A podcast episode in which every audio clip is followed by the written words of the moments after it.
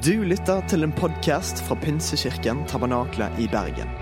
Vi tror at kirken skal være en plass hvor mennesker trives gjennom alle livets faser. En kirke for hele livet. Ønsker du å bli bedre kjent med oss eller holde deg oppdatert? Besøk vår Facebook-side eller ptb.no. Her er ukens tale. Og mens du blir stående, så la oss lese teksten sammen som jeg har lyst til å ta utgangspunkt på en sånn dag som dette, som vi finner i Apostelens gjerninger kapittel 2 og fra vers 1. Da pinsedagen fullt ut var kommet, var alle samlet på ett sted i en akkord. Og plutselig så lød den fra himmelen som når en kraftig vind blåser. Og lyden fylte hele huset hvor de satt. Og tunge som av ild viste seg for dem, delte seg og satte seg på hver enkelt av dem. Da ble de alle fylt av Den hellige ånd, og de begynte å tale på andre språk ettersom ånden ga dem å forkynne. Far, jeg takker deg for at du er her i dag. Takk for at du allerede har fylt dette sted med din nærhet. Takk for at vi slipper aldri å gå langt for at du skal være til stede. Men der hvor to eller tre er samlet i ditt navn, der er du midt iblant dem. Takk, Hellige Ånd, for at du er her for å forherliggjøre Jesus for oss og vise oss hva vi har fått tilgjengeliggjort gjennom Jesus Kristus. Vi takker deg for det, og vi gir deg all ære og pris. Og alt folket sa Amen. Du kan få lov til å sitte ned. Så godt å se dere alle sammen. Tusen hjertelig takk for uh, hyggelig invitasjon til å komme hit til dere, Benjamin og André. Og det satte jeg veldig veldig pris på, å kunne få lov til å komme hit og besøke selveste barndomsmenigheten min. Og jeg, jeg, jeg, de, har satt, de, har lagt meg på Terminus hotell her borte. Og må ikke tro de henter meg. De må jo gå helt ifra Terminus hotell her borte og helt hit. Så det skal jeg huske på, Benjamin. Jeg skal legge deg på et hotell som uh, i hvert fall ligger litt lenger unna det. da. Men når jeg gikk bort hit, så tenkte jeg hvor lenge siden er det jeg egentlig var på søndagsskolen her? Og jeg, jeg ble nesten litt skremt av den tanken, for det er mange år sia. Det er 40 år sia. Og mer enn Jeg tenkte jeg går ikke lenger enn 40. Det får da være grenser hvor fort tiden går. Men det er jo så hyggelig å se noen sånne ansikter som Jeg hilste jo på tre karer her nede som de Ja, vi var jo søndagsskolelæreren din. Ja, det var du, ja. Det stemmer, det, ja. Så det er jo så utrolig hyggelig å, å treffe gamle bekjente og kjenne det at Jesus, han lever fortsatt. Han er ikke død. Han er fortsatt i live, og vi kjenner det at vi er brødre og søstre som har fått lov til å oppleve noe i livet vårt som er så fantastisk bra. Så det er så godt å se dere alle sammen igjen. Eh, takk til dere lovsangere og Rune, som jeg har vokst opp sammen med her, eh, pianisten. som Vi, vi har jo spilt, vi, har, vi, vi, kjenner jo hverandre. Det er så koselig. Og, eh, og eh, tiden går, unna. Jeg tror du har begynt å få noe grå hår, du òg, sånn som jeg. Det skulle jo ikke skje. I hvert fall ikke med oss. I hvert fall ikke i min generasjon.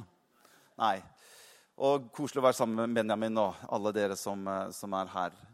Eh, jeg har lyst til å dele noen ting med dere i formiddag som har med dette som har med pinse å gjøre, og det som har med Den hellige ånd å gjøre. Og Jeg leste litt om William Booth, han som var grunnleggeren av Frelsesarmeen. Og Han sa noe, han skrev noe. Han sa den største fare og utfordring som truer det kommende århundret, det vil være en religion uten Den hellige ånd, sa han. Den største fare og den største utfordring som vi vil møte i den kommende århundre, det vil være at vi kan ende opp med en religion uten Den hellige ånd. Og det er nesten sånn som du kan merke når Paulus kommer til Evesus. Og Paulus han spør om fikk dere Den hellige ånd da dere kom til tro. Og de svarer at vi har ikke engang hørt at det fins noe som heter Den hellige ånd. Og vi alle som sitter her, vi vet at troen den kommer av forkynnelse.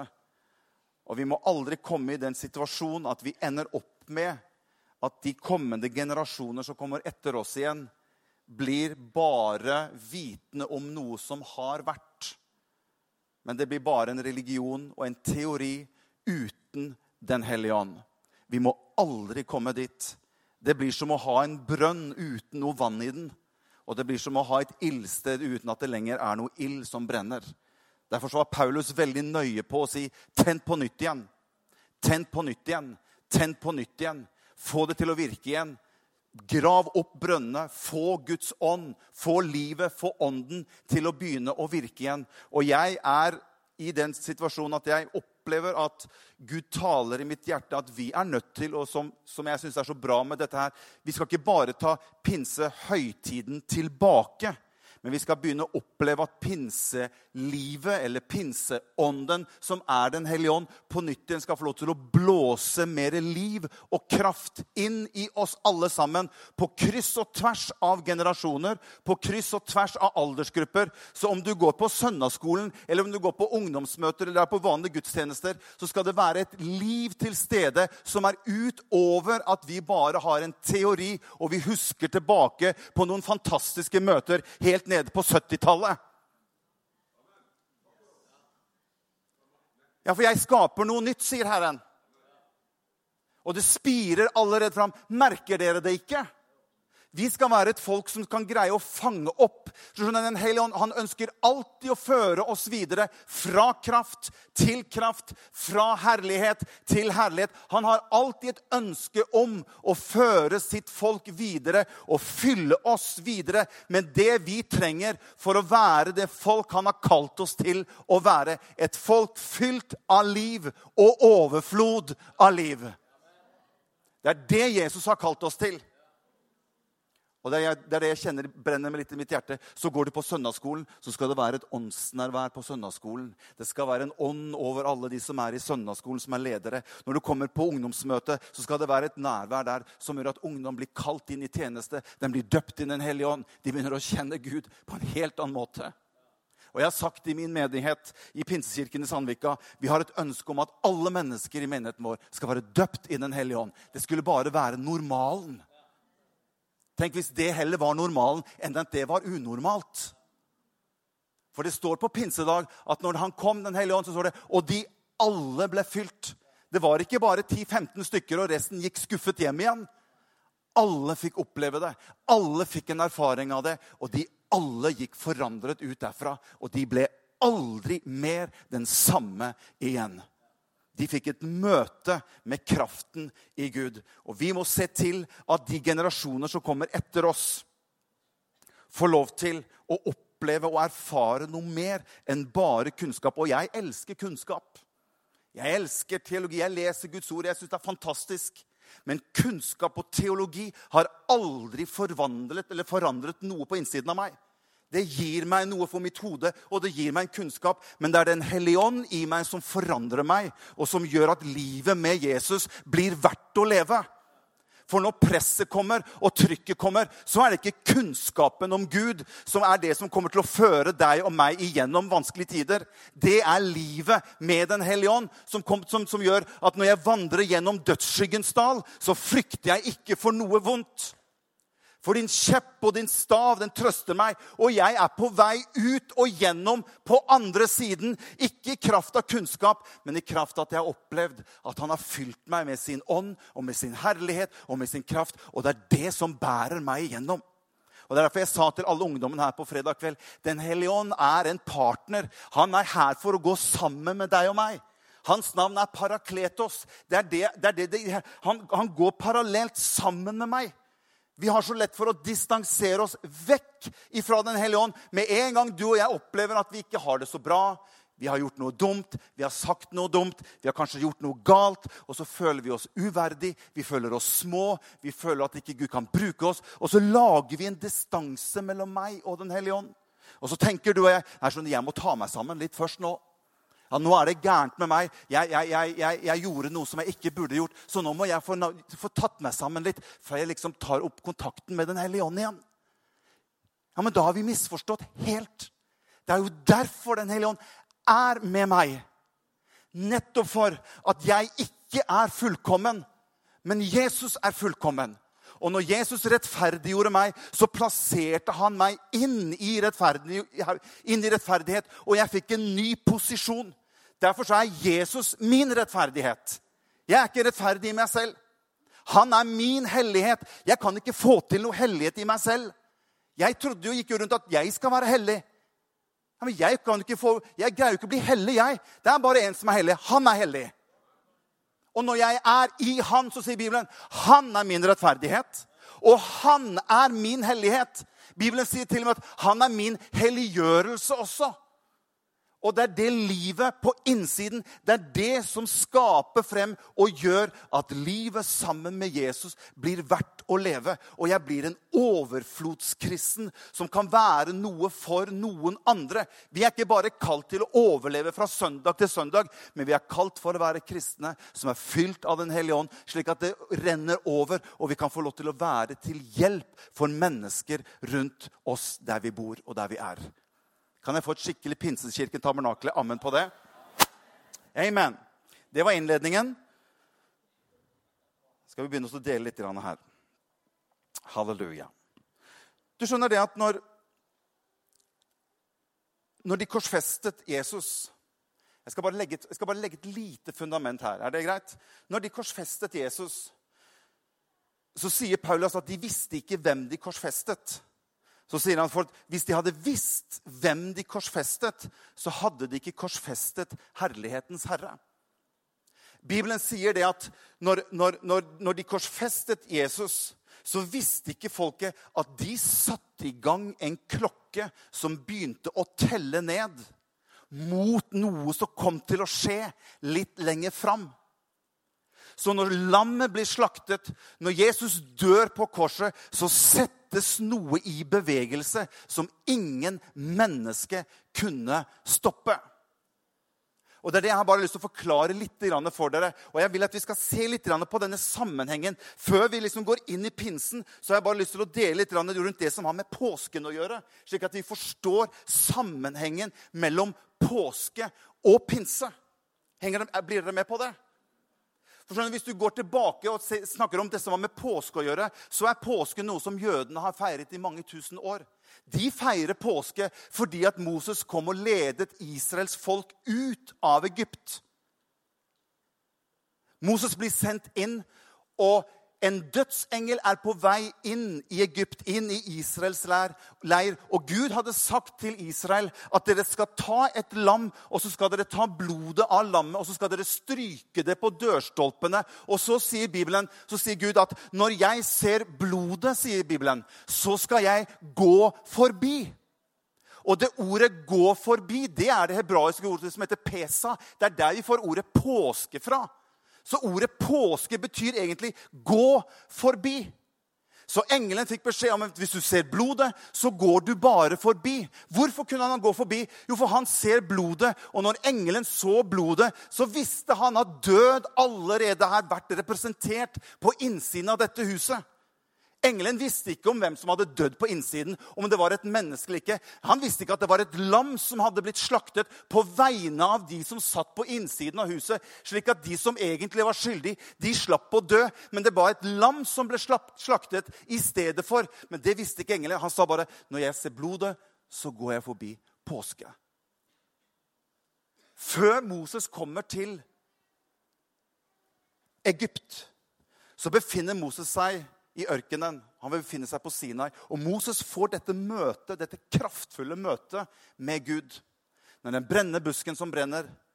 Og Gud kaller Moses til å gå inn og hente folket. Og det er litt interessant å se at Når Gud kaller Moses, så sier han at du skal gå inn og hente ut folket. Og du skal ta dem tilbake på denne plassen hvor du har hatt ditt møte med Gud. Det var ikke bare for å få dem ut og få dem inn i løfteslandet. For Gud sa, 'Ta dem ut, bring dem tilbake til dette sted, sånn at de kan tilbe meg', sier Gud. Så Moses går inn og fører folket ut ifra Egypt. Og 50 dager senere befinner Moses seg tilbake på samme sted han først hadde hatt en opplevelse med Gud. Nå, 50 dager etterpå, er han tilbake på samme sted. Og nå er det ikke bare en liten busk som brenner. Nå står hele fjellet i brann. 50 dager etterpå, det er det som jødene feirer som førstegrøde. Det er den første innhøstningen av hvete. Og det er også denne dagen hvor Israels folk mottar loven ifra Gud. 50 dager etterpå. Så jeg vil bare at du skal se litt sammenhengen mellom påske og pinse. Lammet blir slaktet. 50 dager etterpå så får de denne opplevelsen ved fjellet Sinai. Så hvis påske er såkornet, så er pinsen innhøstningen. Du kan erfare påske uten pinse. Men du kan aldri erfare pinse uten påske. Du kan erfare korset uten pinsen, men du kan aldri erfare pinse uten korset. Henger du med?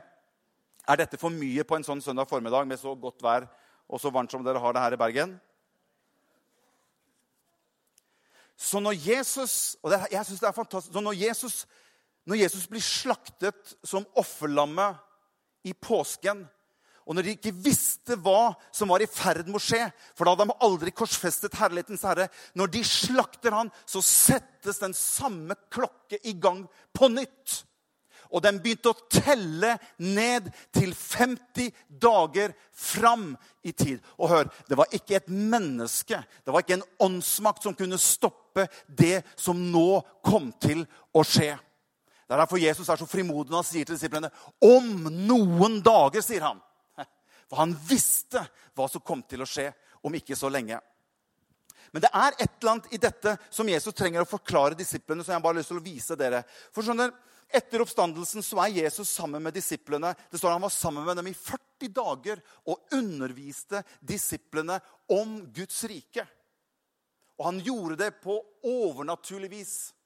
Og det er noe når de snakker med Jesus, og Jesus snakker med de, som jeg ser at Jesus prøver å forklare disiplene, som disiplene ikke helt greier å få tak i, som jeg bare har lyst til å dele litt med dere. Fordi han pålegger dem å vente i Jerusalem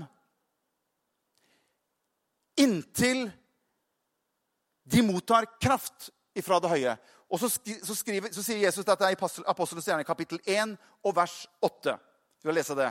Men dere skal få kraft når Den hellige ånd kommer over dere, og dere skal være i fortid, i, i framtid Dere skal bli mine vitner i Jerusalem og hele Judea, i Samaria og helt til jordens ender. Dere skal være mine vitner. Jeg slo opp, ordet, jeg slo opp ordet 'vitner' bare sånn for å søke hva, hva er et vitne for noe. Og Da står det definisjonen av vitne en som kan gi førstehåndsinformasjon om noe man har sett, hørt eller erfart. En som innehar et bevis, et tegn. En som offentlig opptrer som religiøs. Det er sikkert det jeg gjør nå, da. Tilstedeværende ved, observerende, tale eller vitne være i stand til å kommunisere hva som har vært sett og hørt. For det er det jeg tenker på når jeg, når jeg leser om hva, når, Jesus snakker med disiplene, så tenker jeg hvorfor måtte de vente? Ja, Hvorfor måtte de vente for å vitne? De hadde jo vært sammen med Jesus i tre år.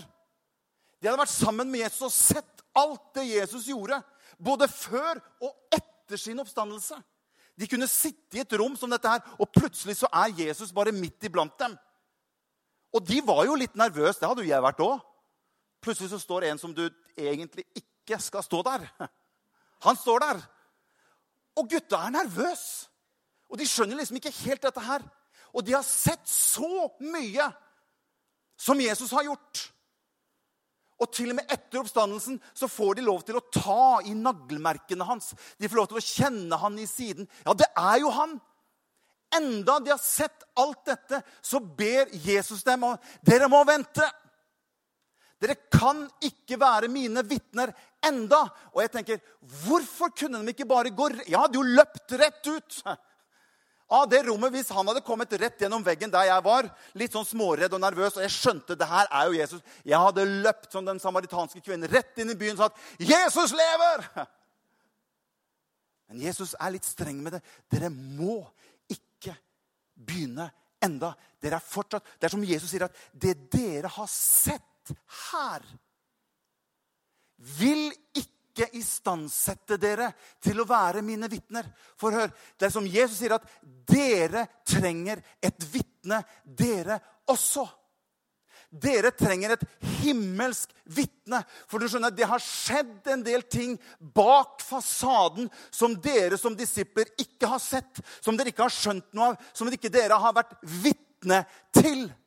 Og det er de tingene dere trenger førstehåndsvitne, slik at dere ut ifra det kan få lov til å være vitne. Fordi at Jesus var i ferd med å gå inn i himmelens rike og være der oppe og ta sitt blod med inn der og rense hele himmelen og gjøre den klar for alle de rettferdige. Og hør, der hadde ingen av disiplene vært og sett.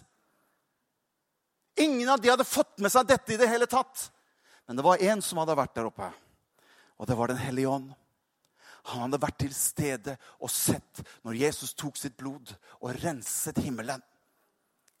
Og der skjønner Jesus, skjønner, Dere må få tak i vitne som kan identifisere hva som har skjedd i selve himmelen.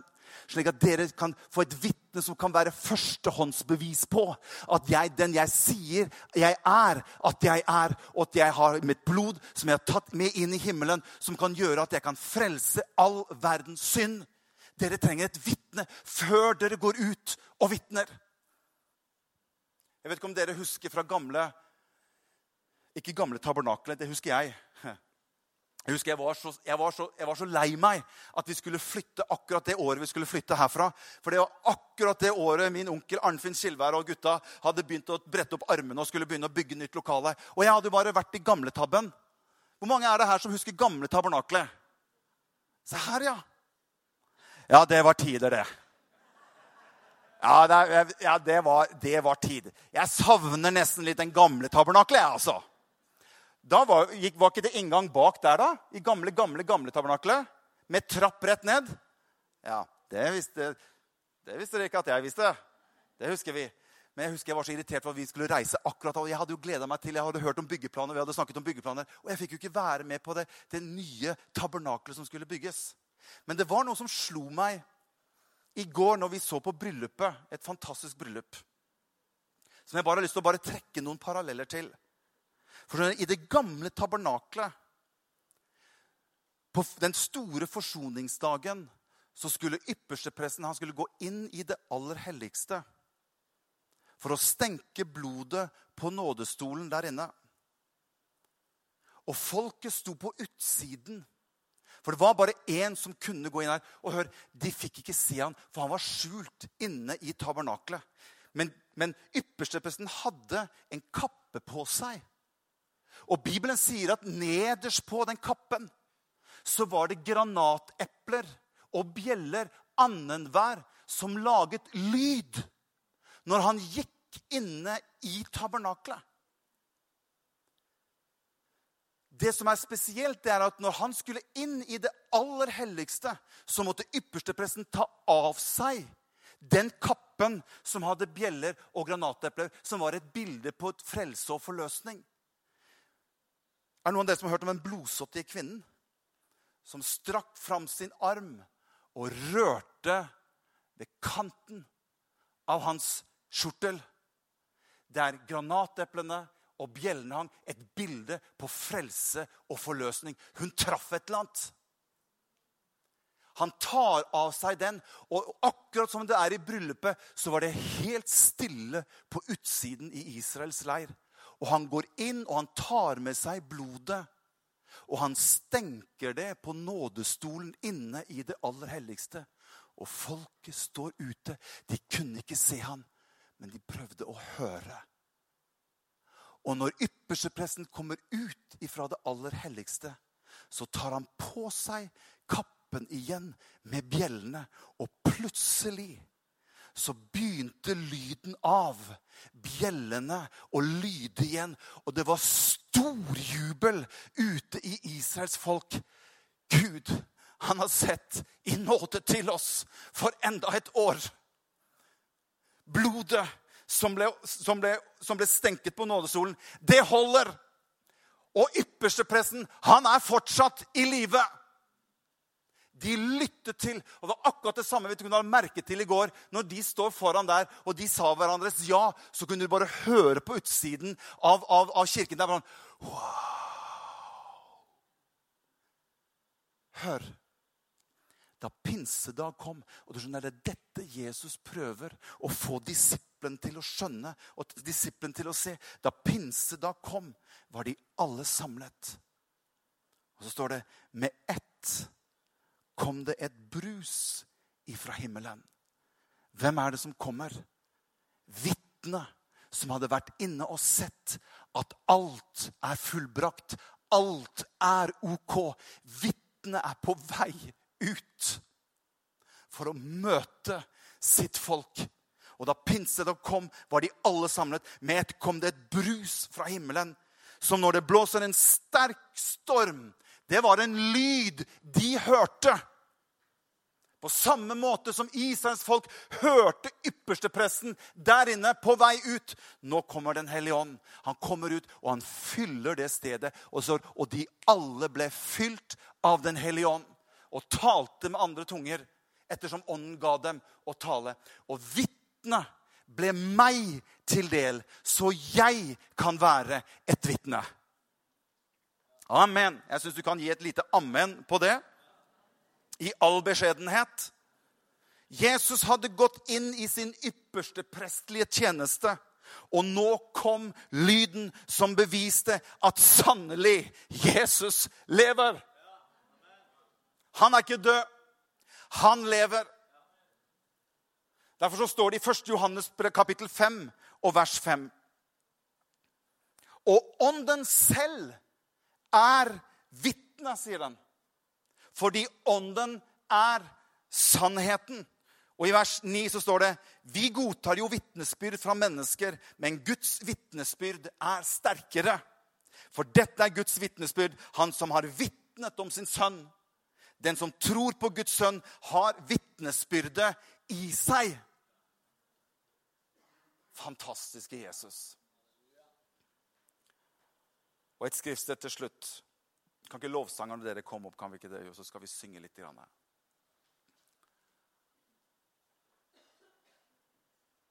Det står i Romerbrevet kapittel 8 og vers 16.